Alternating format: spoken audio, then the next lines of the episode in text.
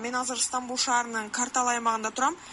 Дал ушул аймакта кечээ күнү алтынчы февралда түштөн кийин төрт чамасында жети кабаттуу имарат үй кулаган азырынча эмне себептен кулагандыгы тууралуу расмий маалымат бериле элек бирок стамбул шаарынын губернаторлугунун сайтында бул кулаган имаратка негизинен беш этажга гана берилген курулуш уруксааты бирок жети этаж курулган ошол себептен кулаган деп божомолдоп жатышат. Азыркы саатка чейин он үч жарат алган киши чыгарылган ал эми үч адам каза болгон. Жарат алгандар э, стамбул шаарынын э, мамлекеттик ооруканаларында дарыланып жатышат.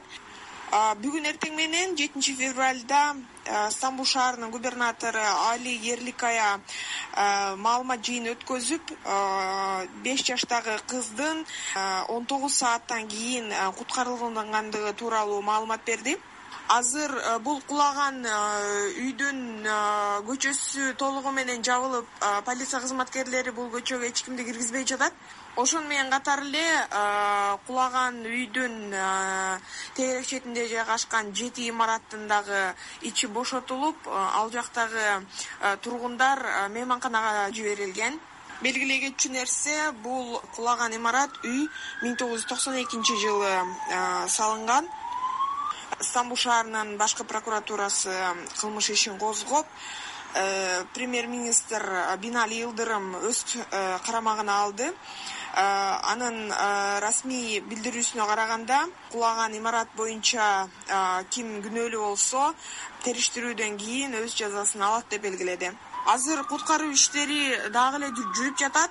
Эртең мененки маалымат жыйынында стамбул шаарынын губернатору али ерликая кулаган үйдүн ылдый жагында астында жардам бергиле деген үндөр угулуп жатат. Андыктан биз куткаруу иштерин ыкчам тез арада жүргүзүшүбүз керек деген сөзүн айткан. Азыр ал көчөдө негизи эле жолдор жабылып бир гана тез жардам кызматкерлерин киргизип полиция кызматкерлери чеп куруп көчөгө эч кимди киргизбей жатышат